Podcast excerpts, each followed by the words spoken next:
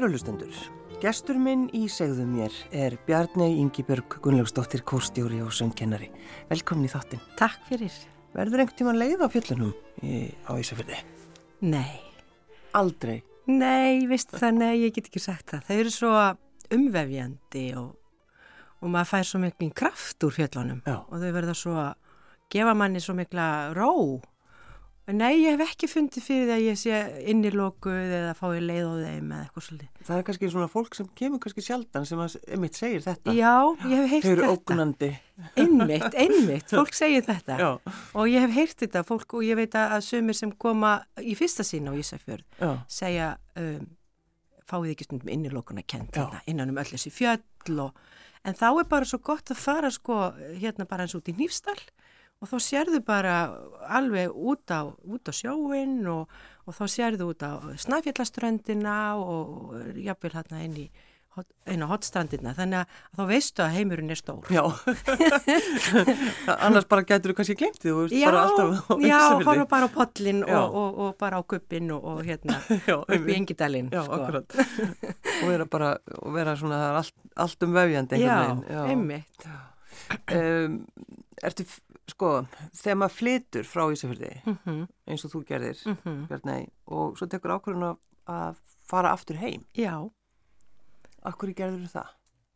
sko ég stóð á svona tímamótum í, í mínu lífi, ég var að skilja og, og í mínum huga ég var búin að vera semst, 20 ár frá því að ég hafði flutt frá Ísafyrði, 86 bara eftir stúdentinn og, og svona og ég hugsa með mér já, ég þarf bara að komast heim aftur, Mm. ég þarf bara að komast í ró og öryggi og, uh, ég, eh, og ég fór bara með það hugarfari að að vita bara hvað gerðist. Þetta var einhvern veginn ekkit ættun að bara flytja heim bara for good, skiluru, eða, já.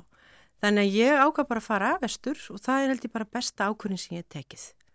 Því að, að þarna líður mér eiginlega best, sko. Já. Og ég fekk svona bara, já, þannig að lífið þar hefur svona, og fólk talar oft um það þegar kemur um mitt út á land eða flytur út á land. Að lífið fær einhvern veginn svona annan ritma þú finnur, sko, þú stendur ekki fastur í ykkur umferð, þú lappar, ég lappi í vinnuna, ég býr nánast til hliðina á tónlistaskólanum og þú veist, ég tek hjólið og ég tek bílinn ef ég þarf að fara inn í bónus. Já, Þannig að, að og svo hefur bara uh, bærin verið líka bara, uh, þú veist, hann yður alltaf lífi. Það er nóg að gera ef þú vilt hafa nóg að gera. já. Þannig að já, það En var það, svona. en það er náttúrulega kannski, Bjarni, það eru, það það eru djúpa ræturnar einhvern veginn. Já, það, Það, eru er, það eru bara allir frá Ísafjörði kringu þig, er það ekki? Já, jú. Þín fjölskylda. Já, maður segjað það sko. Mín fjölskylda hefur þessa djúpu rætur. Mm. Bá, báðir fóreldra mínir eru ísverðingar og ömmur og afar í, langt aftur í ættir. Já, Þannig að uh, þau, hafa, þau voru ekkert að fara frá Ísafyrðið. Þeim fannst bara gott að vera þar. Já. Þannig þekkjuru vel, sko, eða, fjölskyldu, svona fjölskyldu söguna.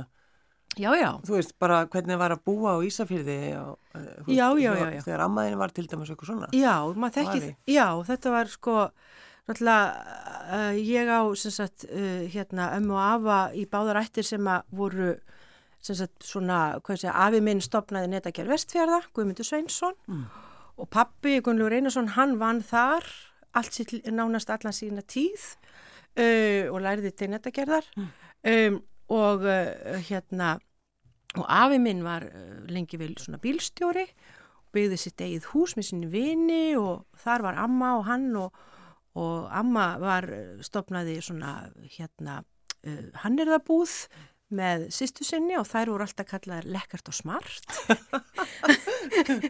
Að því að það var allt Lekkert og smart. Já, af því að þetta var svona hannirðabúð og það var allt svo lekkart og Já. það var allt svo smart. Og ég man bara þegar ég kom heim til, sko hún hétti Elisabeth, amma mín og alltaf göllu bubba.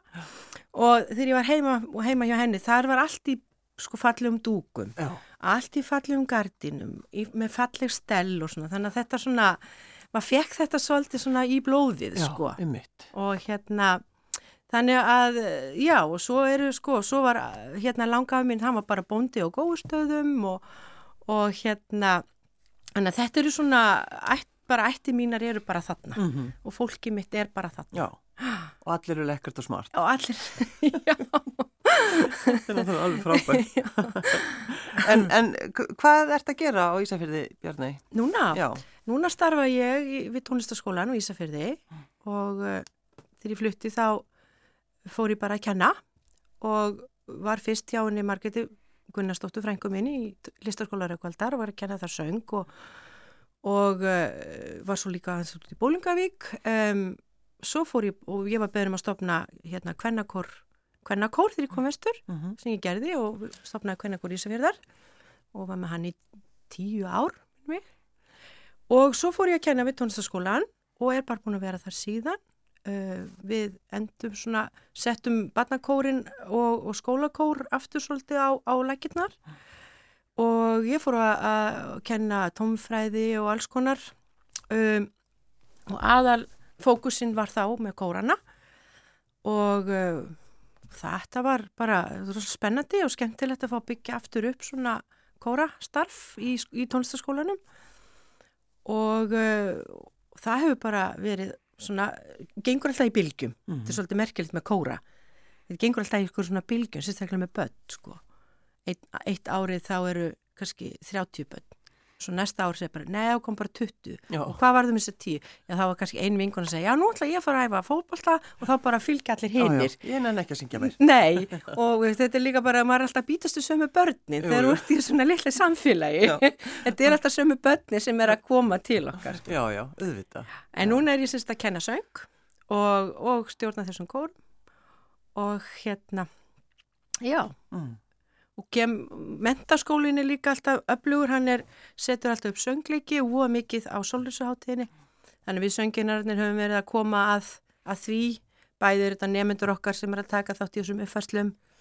Eh, Það þarf að æfa eitthvað kór, ver, kór söngva hérna, í, í verkonum sem verið er að setja upp. Þannig að maður kemur líka því Mm og þetta er svona, já, þetta er svona oft bara, veist, ertu ekki með eitthvað sem getur komið og, og ég, veist, ég er með fund þarna og svona, þetta er svo þægir, þetta er svo stuttar bóðuleiðir. Er ekki líka, eh, sko, það er náttúrulega afmælistagur, er Já, það ekki? jú, nú erum við að halda upp á 75 ára ammæli tónlistaskólans, heldur betur. Og í dag er mitt verið að opna sögusýningu skólans sem að, að hérna, hún Arnheiður e, Steinþórsdóttir er búin að vera að, að hérna, koma á lækinnar með náttúrulega Bergþóri og Alberti sem eru núna að stýra skólanum og e, það er sérst opnun í dag á þessari sögusýningu það sem er bara farið yfir e, 75 ára sögu skólans Já. Og svo náttúrulega bara, sko, að húsið, náttúrulega húsnaði sjálft hefur svo miklu sögu, Já. auðvitað. Já, það er náttúrulega, við erum náttúrulega komin náttúrulega áður fyrr, það var náttúrulega skólinn bara út um allt Já, einmitt. og uh, aðal náttúrulega var smiðugata 5 þar sem að Ragnar Há átti heima og Sigga. Mm Það er náttúrulega mætti maður í tónfræðina og við erum einmitt með vangina af borðinu og það er sérst krótað á alla, það búið króta og ég fann einmitt nafni mitt þar um daginn þegar við fengum vangina lánaða hjá Siggu. Ragnars, dóttur Ragnars til þess að taka og setja á síninguna Já, já, já, já. og hérna Alveg þar er Helgi að krössu á borðið. Já, já, þar er, það, og þar er, fann ég, fann, fann, finnum maður ímisnöfn. En. Já, Já. og hérna, og sagt, og þar mætti maður í tónfræði og þar mætti maður náttúrulega á sunnudögum í, í, í hérna á samæfingu. Mm. Sama hvort að það var sólæðirigning eða hvort að maður var upp á dal og skýðum og maður bara neittur til að Já, fara. já. Þetta var bara partur af þessu. Já, ég meina, þú vildir þetta, Já. Það má eiginlega segja þetta, maður, þetta var, Já. alltaf var. En, það, en eins og þú segir, sko, var, skólinn var svolítið svona, hafði ekki húsnæði. Nei. Nei, Nei, og ég man að ég, þegar ég var að læra, þá var ég, ég held að ég haf verið á svona þremur, fjórum stöðum Já, áður en að, að skólinn fer svo í húsmaraskólan og það er eftir að ég flytt í burtu, sko. Mm. Þannig að þegar ég kem heim, þá allt í einu kem ég inn í þennan flotta skóli og svo bara, vá, þetta geggjað. já, Hitta hérna alla, að því að þegar ég var, þá bara bankaði maður á hurðina og þetta var kannski heima hjá já. viðkomandi já, kennara Já, já, einmitt. eða bara upp á heimavist í ykkur einu herbergi og þú varst aldrei vör við alla hina sem voru, all hinn hljóðfærin Já, einmitt. sem voru líka og hína krakkana sem voru í skólan sko. Svo mikilvægt náttúrulega að halda utanum þetta. þetta, þetta verður svo flott samfélag Já, og krakkarnir er að hittast á göngunum og eru að fylgjast að í tónlistaskólan Mm. og þetta er náttúrulega ofsalega flott vegna þess að grunnskólinn er náttúrulega hinum megin við göttuna Mhm.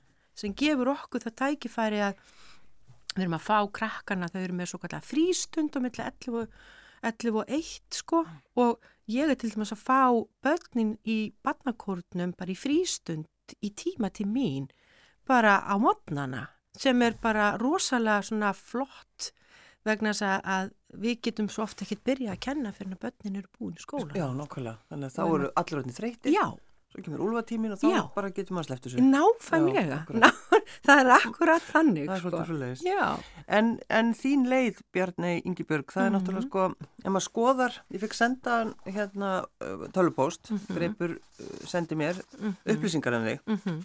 og ég meina þetta er bara, ég ætla ekki að segja að þetta er algjörstu rögl, en ég meina þetta eru þrjár, þetta eru þrjár þrétt skrifaðar blaðsíður. Mm Það sem að, og allt er þetta bara, þú veist, það er söngurinn, það er söngkenslan, það er kórin. Já. Þetta er náttúrulega sko, ef þú horfir á þetta, sko ég skal sína þetta. Já, hérna. einmitt. ertu, sko, ertu, ertu hissa að sjá bara Já, þegar þetta er sett svona á blað? veistu það, já, þegar ég fór að setja þetta á blað, þá var maður bara, já, er ég búin að gera allt þetta? Já. Að því að sko, þegar maður er í þessu, þá er maður bara í þessu Mm -hmm. Og það bara hvert verkefni kemur til manns og maður bara sinnir því og sinnir því bara með gleði því þetta hefur bara verið mínar ær og kýr. Sko ég var bara, sko ég bara, ég man bara eftir sjálfur mig, ég var bara alltaf syngjandi og, uh, og ég var, mér langaði svo að fara í kór. Já. Það var engin barnakór þegar ég var að alastu á Ísafyrði. Eða bara sunnukórin. Já. Og ég fór í sunnukórin, ég var 16 ára. Varst, varstu yngst þá? lang yngst, ég var með sko, var með ömmu, Já. Æðisleg. það var geggjað.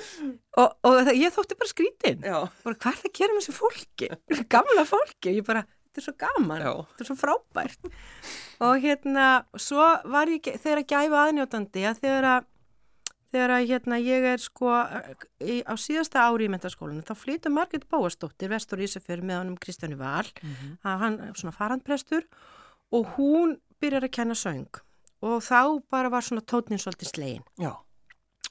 og, uh, og þá kemur líka þann vetur kemur Hörður Áskilsson vestur og hann var að stjórna sem sagt uh, sunnukórnum uh, í verki eftir Gabriel Fóri og ég náttúrulega söng í því verki og þetta var náttúrulega rosalega upplifun og þetta var mikið svona tónlistalega svona lítið stórt og þá kom þetta, heyrðu allir ekki bara komið í mótutukórin, þú ert að fara sög til Reykjavíkur og eitthvað svona og ég bara, jú, auðvitað, já, mótutukórin, hvað er það? Já, einmitt. Og ég fór bara í mótutukórin og söng í honum mín ár 20 ár á meðan ég bjó í Reykjavík, sko. Þannig að þetta er búið að vera bara einhvern veginn, fylgja mér alla tíð. Og það er nú aldrei masterclass að Segðu. hafa verið í mótutukonu Já, ég meina, þetta er náttúrulega bara að vera, ég, Hjá herði? ég maður heyrði þetta Já. bara mentor. Já. Það er bara þannig. Þú, þú tekur inn bara allt sem hægt er að taka inn í sambandi við bara bæði repertúari eða sérst efni, bara kóra svona sérst repertúarið og, og bara það að vera í kór og, og, og fara til útland og taka þátt í mótum og fara hitt og þetta og gera þetta er bara skóli, Já, já. stór skóli já. og ég starfaði náttúrulega við hliðin á herði í nýju ár stórnaði þetta batna úlingakórnum og það var Já, í Hallgrímskirkju. Já, sem var rosalega skemmtilegt tímabil. Og uh, hérna tók þátt í tók, tók þátt í þeirri gleði sem að og þeir, þeir þessu mikla starfi sem þar var verið að- vinna. Og, og hérna kirkjulista hátíð og ímislegt og, og við fórum erlendis með kórin í á svona kóramót og svona. Þetta var mikið fjör. Já. og mikið uppgangstími líka á þessu sko. Tóta var með Kásnesið náttúrulega á fullu og Jónsi var með sitt í Langholti og Rafnildur Blómstuberg með sitt í, í, í Hafnarfyrði og, og Brynhildur Auðbjargar og svona fleiri svona kollegar út um allt bara að, að, að vera með kóra. Já, þetta hefur aðeins breyst finnst mér núna landslægið en við erum samt að reyna að halda upp þessari kóramenningu. Það ný afstæðið núna kóramót, batnakóramót í, í, í, hérna, í Hafnafyrði sem var haldið bara um síðustu helgi. Þannig að tómyndakennarfélagi er að reyna að halda þessu á lofti, að halda kóru, kórastarsim og halda börnum að kórum. sem er finnst alveg ótrúlega því þú læri svo margt í gegnum kórin sko. að því þú ert uh, þá ertu þú ert að læra bara hvernig er að fungera í hóp Mm -hmm. þú þarfst að taka sjálfan þig út úr jöfnunni og vera bara, þú þá ert ekki lengur prívat personan ég, þá ertu bara partur af hóp og upplifu og þetta sko þegar að allir anda sömu sekundinni og, og svo byrja allir á sömu sekundinni og það verður ykkur, ykkur galdur Já. þetta er svo stórkostlegt að fá að taka þátt í því og líka fá að, að vera sá sem setur þetta í gang Mm. Og stjórna ferðalæginu frá uppaf til enda sem kórstjóri. Þetta er ykkur, þetta er ykkur galdur og þetta er bara eitthvað, þetta heitlaði mig alveg um leið.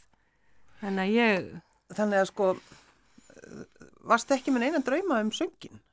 nei, sko, ég fór talandi um þetta CV. Jú, jú, ég er með það hérna. Á hvað blæsu Já. við Nei, þá hérna, þá fór ég hérna okkur á nokkra masterklassa, ég fór mitt að rifja þetta upp, já, ég gerði eitthvað, eitthvað masterklassa hérna í, sérstaklega í Þýskalandi. Já, Þar voru svona stóri tónleikar og þar var fólk verið að velja fólk til þess að koma fram og syngja.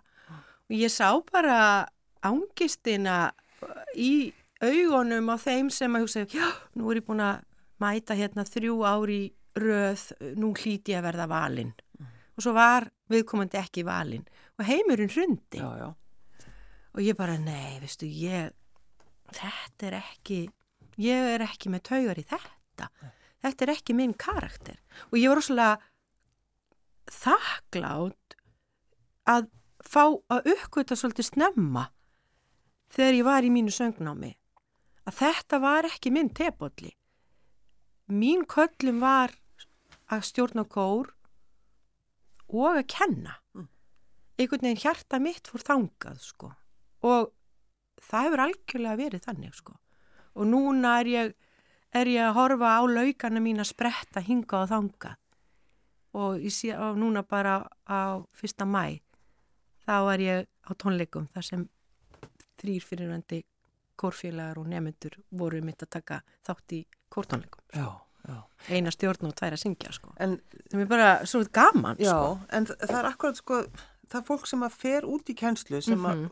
veist, það er yfirleitt eins og þú lýsir þessu. Mm Það er bara, það er bara með hjartað Já, í þessu, því annars er þetta bara, já. það skengur þetta ekki. upp. Nei, þú verður að hafa hjarta vegna þú verður að brenna fyrir því að, að vilja sko fá fólk til þess að, að hvað, hvernig orða þetta þetta eru, þú ert komin með manneskjur, þú berð ofsalega ábyrð Mhm.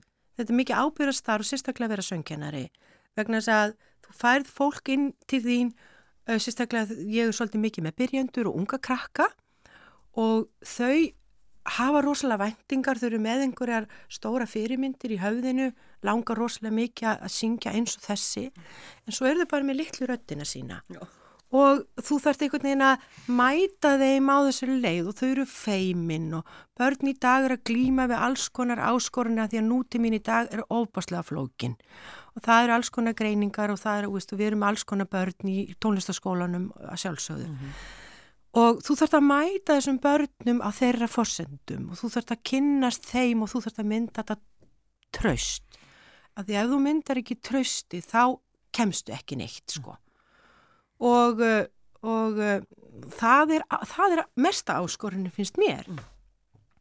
Og svo þegar að það byrjar og þú finnur að það kemur myndast þetta flæði á milli þín og, og nefnandans þá opnast svo marga dyr og þá getur þú farið að, að koma og fá, fá nefnandan til þess að vinna með þér og, og opna fyrir söngröðina sína. Ertu þannig sko þegar þú uh, ert að fara að byrja, Mhm. sko, kórin er alveg stendur bara og horfur á þig Mm -hmm, og, og þið byrjið, mm -hmm.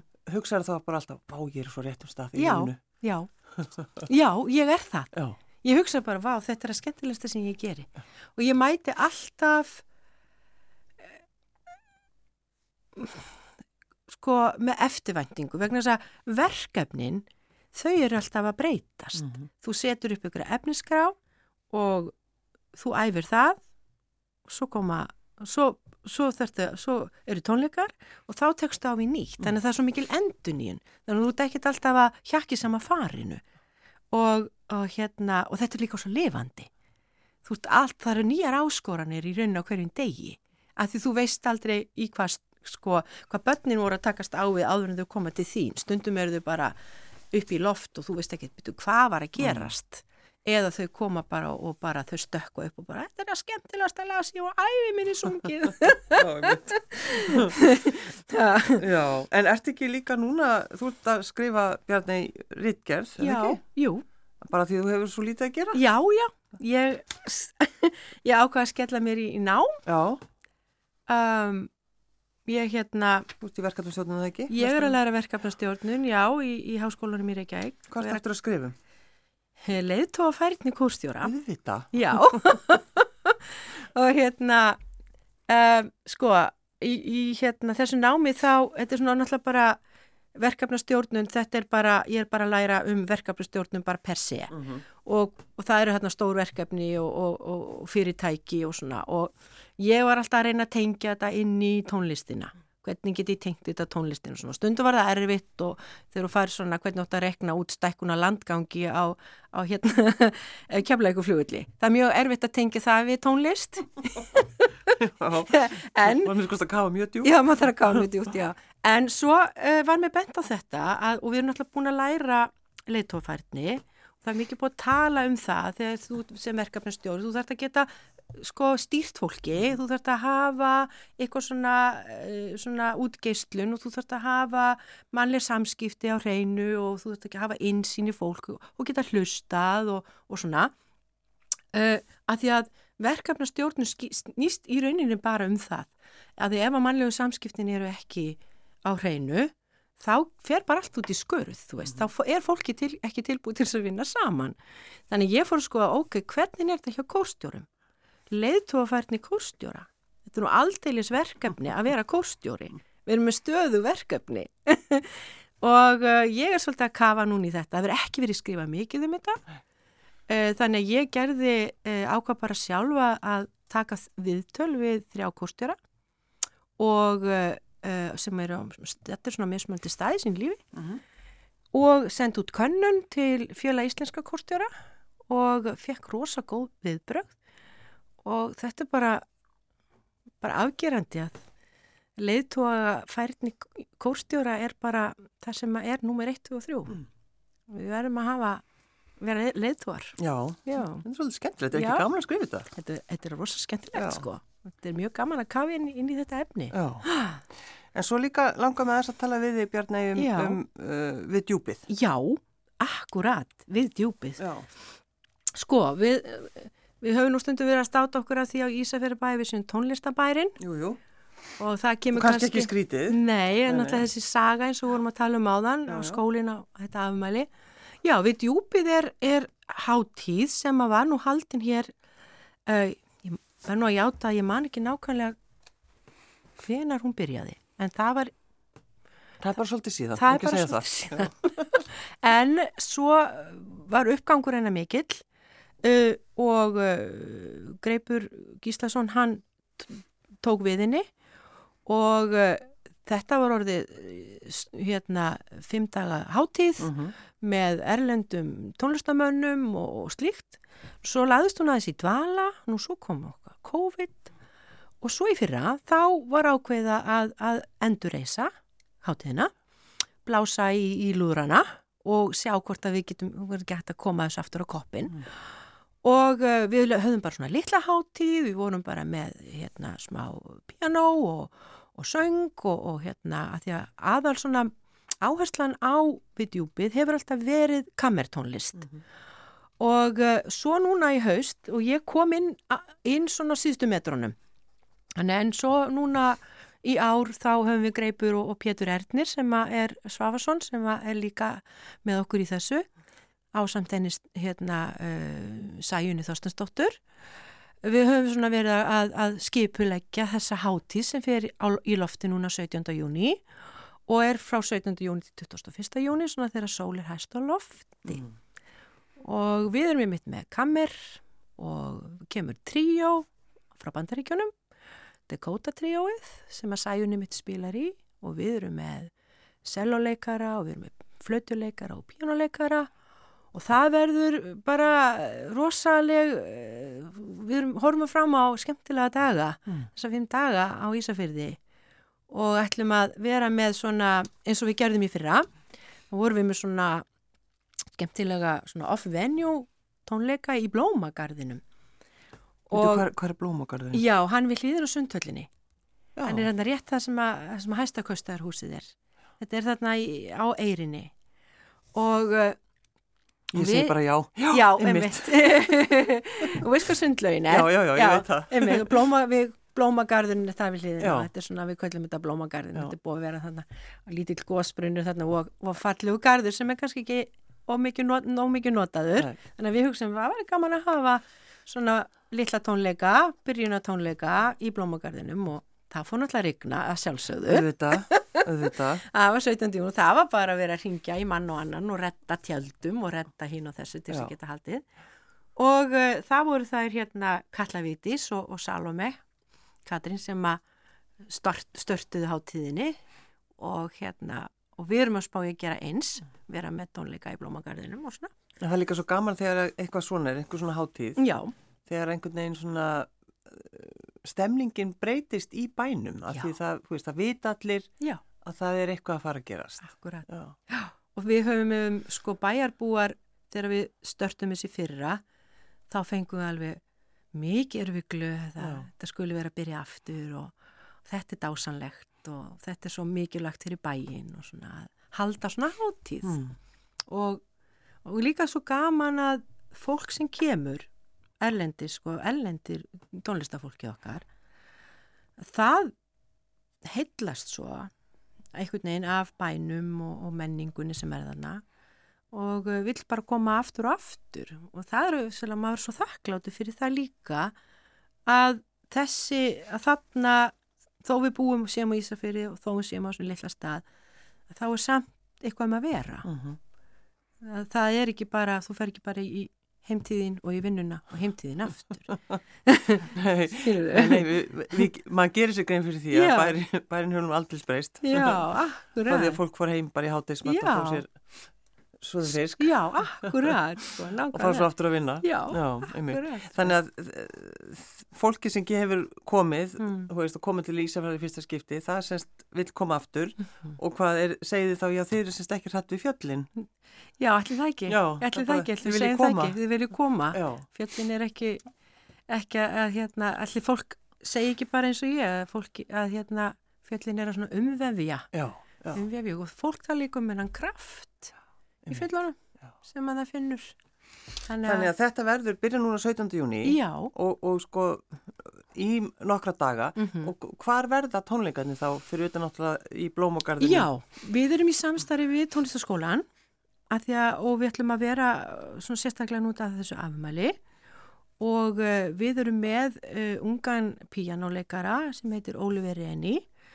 Hann er bæði hérna, hann er núna að kenna hjá okkur og hann hefur verið að uh, semja og hann ætlar að vera með uh, tónleika uh, í hömrum. Og hem, hamrar eru sagt aðal tónleikastaðurinn, það er sagt tónleika salur skólans.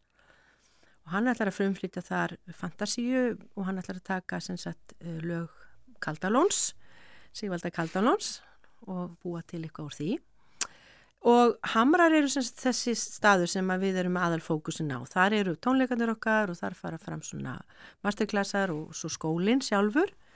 Uh, og svo er svona staðir í bænum, það er náttúrulega Edinborgarhúsi, þar, þar er bryggjusalur og svo er náttúrulega sapnahúsi með litlum sal og annars líkt. Þannig að við erum svona að horfa til þess að hafa hamra, verða, verða náttúrulega aðal, svo erum við að horfa á, á fleiri svona staði í bænum sem getur verið svona hátegistónleikar og, og annars líkt. Já, Þannig að þannig að það verður, það verður svolítið gaman. Já, við erum að vona það, fólki finnist gaman og, og fólk vilja koma til þess að allavega erum við að fá ofsalega vel flotta tónlistamenn til okkar sem að, að hérna og, og þessi kamerhópur sem kemur hérna frá, frá hérna Ameríku, hann er hún Sæjum Þorstensdóttir er e e ein af þeim Já, sem er akkurat. þeim og, og hún er að koma með nefnendur sína og, og það verður námskeið og, og svona. Og það hefur allar tíð verið sko, þetta hefur allar tíð verið sambland af námskeiðum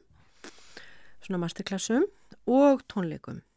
Og það hefur svona og, við, og það er einhvern veginn bara uppskrift sem gengur upp. Og uh, og þá erum við líka að sko draga, sjá sko lengra konni nefnendur þeir geti komið og, og æft sig í rólu umhverfi nærandi umhverfi og, og skólinn opnar alla sína dyr og alla sína kjenslustofur fyrir þetta fólk. Þannig að allir geti æft sig og annað slíkt. Og hérna og þá svona myndast svona þetta líf mm. í húsinu sem er ofsalega skemmtilegt. Allir, allir að æfa sér í, í sittkur og hodninu og það verður svona einhver svona eftirvætting já, já, já, það verður. En þú er búin að vera svolítið náttúrulega flakkjar það ekki Bjarni í vetur, þú náttúrulega ert í skólanum. Já. og ert ekkert að leiði að keira vestur? Sko, stundum þá hugsa ég bara jájá, nú, nú er ég bara tvö skipti eftir. Mm. Jú, þetta er náttúrulega búið að vera hálsmánalega sem ég er búin að vera að keira í alla vetur. Og eh, en ég er búin að vera heppin með veður einu sinni er búin að vera veðuteft aðri leiti hefur þetta verið bara gengið útrúlega vel. Og ég bara kæft mjög góðan bíl. Já. og svo á ég rosalega góðan mann sem keiri með mér. Já, Já, og ég, þannig ég er ekki alltaf eina að keira þannig að það, það er mjög mikilvægt að hérna og uh, svo bara er maður bara fann að þekkja leiðin eins og lóan sinn sko. Mm. og þetta er bara, þetta er bara, þú ert bara komin áður og veist af sko. Það er sjálfsögðu, það er bara eins og það er. Já. En sko þegar að svo kemur náttúrulega sömarið Bjarni og Já. þá ert ekki að stjórna einhverjum kórum Nei. og ertu þá, þú veist, hvað hva gerir þú þá? Já, ertu þá bara... Þá fer ég í moldina. Þá fer ég í moldina? Já. Æja. ég hérna, ég finnst það rosalega gaman, ég hérna, fóröldra mínir eiga sumabústað og svo eiga þau hús á Ísafjörði með stórun gardi og ég sagði við mömmu að ég ætla að ætlaða gardin hennar í sumar. Mm. Eftir þetta, þetta tveggja ára nám núna þá langar maður að fara að vinna með höndunum í staðan fyrir að vinna með haustnum sko. og hérna, og hún hlónu bara að mér og, og hérna og sagði já já, þú mátt alveg koma og veri hérna í moldinni. Þannig ég hlakka svolítið til þess. Mm. uh, svo er bara um, vera með barnabönnunum ég og fjög barnabönn og, uh, og, og hérna um, knúsa þau svolítið. Það er mikilvægt að, að styrkja, styrkja böndin Nú, uh, mér finnst það alveg rosalega gaman, ég, mikil, ég, ég prjóna mikið, það er svona mín hugleðisla og uh, hef svona gert svolítið af því að, að sita bara út á palli og prjóna. Mm. Svo eru þetta bara eitthvað ferðalög og svona, Já. skoða, fara á Rauðarsand, það er uppáhald staðurum mín á Ísafjörði, mm. fyrir vestan, það er að fara á Rauðarsand, vera það í og láta öldurnar kasta einhverju orku í, í, á bringun á sér. Og, það, og þá farið fleiri hugmyndir fyrir næsta vetur. Að sjálfsög en ég baði að velja lag. Já. Segðu mér hans frá svo lagi Já, uh, ég fór að hugsa sko, þegar ég var sex ára og byrjaði í tónlistaskólinum þá fór ég til hans Jakobs Hallgrímssonar sem er tónskáld, hann var að kenna á Ísafjörði og hann semur þetta ótrúlega fallega lag og undur lífs og mér langaði svolítið til að heyra það og ég held að það sé flutningi núna grætuvel í nóbíli. Já, Já. þannig að það eru, góð tengst. Það eru góð Já. tengst. Bjarni Ingi Björg Gunnlaustóttir, kórstjóri og söngkennari. Takk fyrir að koma. Takk fyrir mig.